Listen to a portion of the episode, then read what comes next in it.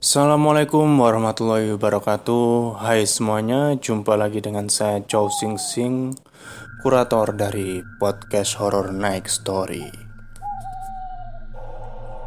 Pada kesempatan kali ini saya akan menceritakan sebuah kisah yang datang dari Dino. Dino ini merupakan dulunya merupakan mahasiswa di daerah Jogja. Mungkin ya UGM atau apa ya UNS ya. Jadi langsung saja saya ceritakan kisah mistis yang dialami oleh Dino ini. Halo, namaku Dino. Aku ingin berbagi kisah saat aku masih duduk di bangku kuliah di salah satu universitas negeri di Jogja. Aku pertama kali masuk kuliah pada tahun 2009 Kebetulan selama aku kuliah di Jogja Aku tinggal di rumah milik Om. Jadi omnya Dino ini ya. Rumahnya cukup besar Dengan dua lantai dan enam kamar. Dan satu kamar penjaga rumah jadi totalnya ada tujuh. Ada taman belakang yang cukup luas juga. Rumah itu hanya dijadikan rumah singgah oleh keluarga besar. Saat ada acara atau liburan di kota Jogja Otomatis saat hari biasa rumah itu kosong Dan ramai saat liburan saja. Jadi selama aku kuliah di rumah itu hanya ada aku dan seorang penjaga rumah namanya Pak Hamdan. Dan selama di sana aku mengalami banyak hal yang berhubungan dengan hal mistis. Kejadian yang sering banget atau bahkan bisa dibilang rutin adalah ketika tengah malam. Jadi gini, kamar yang aku tempatin itu ada di lantai satu sebelah tangga persis. Tangga itu sendiri terbuat dari kayu jati yang mengeluarkan suara berderit jika ada orang yang naik atau menginjaknya. Dan setiap ada orang yang naik atau turun dari tangga Suaranya pasti kedengaran ke kamarku. Kret-kret ya kurang lebih seperti itulah.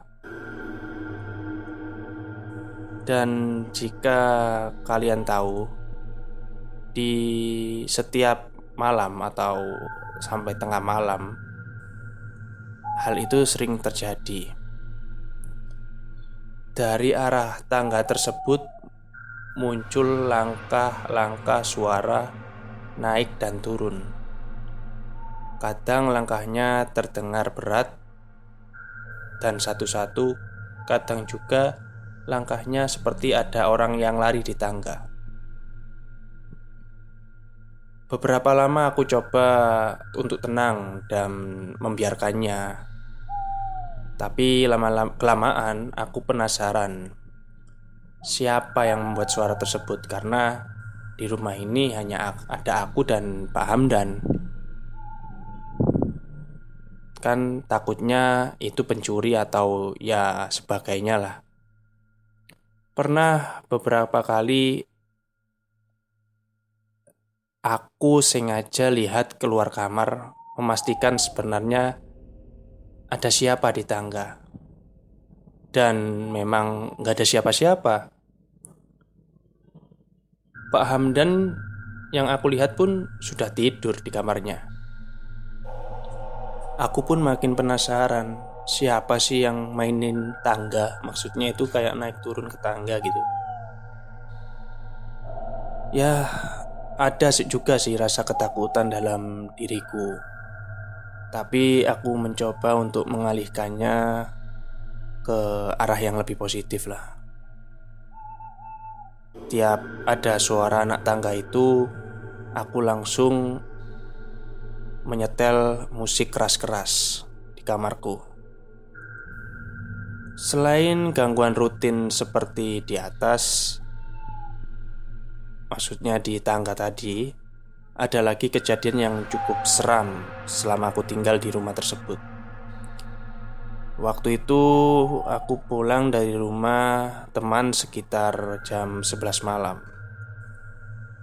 Dan tidak seperti biasanya, aku lihat Pak Hamdan duduk-duduk di teras rumah. Aku pun menyapa Pak Hamdan Loh Pak, tumben kok belum tidur jam segini Pak, Amam, Pak Hamdan hanya diam saja. Dan aku pun langsung duduk di sebelahnya. Tiba-tiba Pak Hamdan menawariku sebuah kopi. Mas Dino mau kopi? Wah, boleh tuh Pak, kebetulan lagi pengen yang pahit-pahit Kataku dan Pak Hamdan pun membuatkanku kopi. Dan untuk dia sendiri lah ya, Dua cangkir.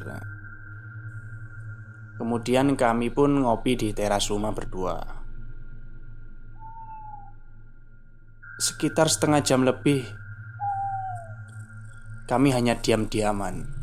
Maksudnya tidak ada komunikasi di antara kami. Aku pun membuka obrolan.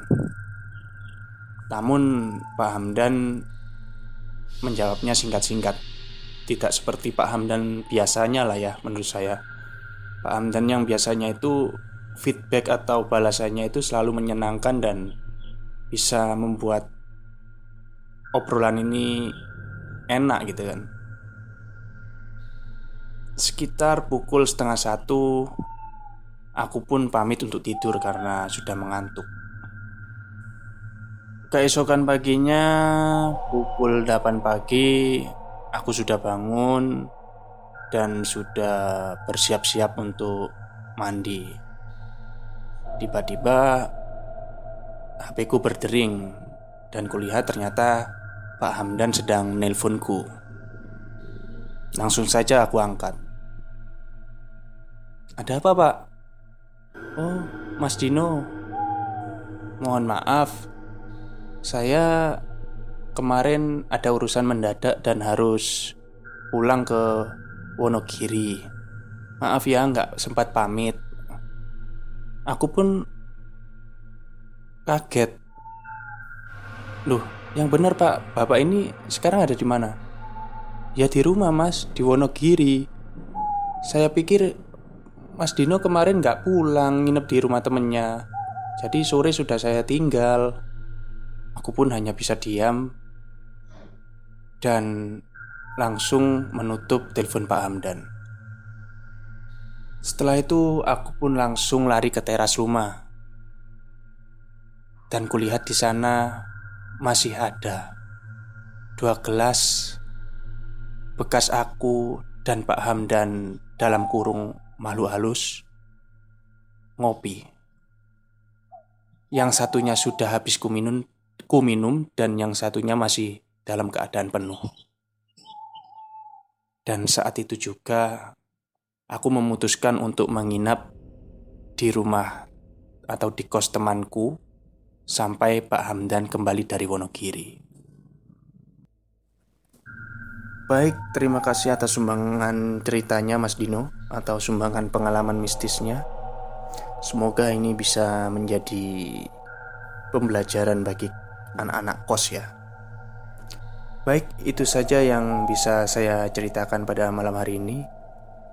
Terima kasih kepada semuanya. Selamat malam dan selamat beristirahat.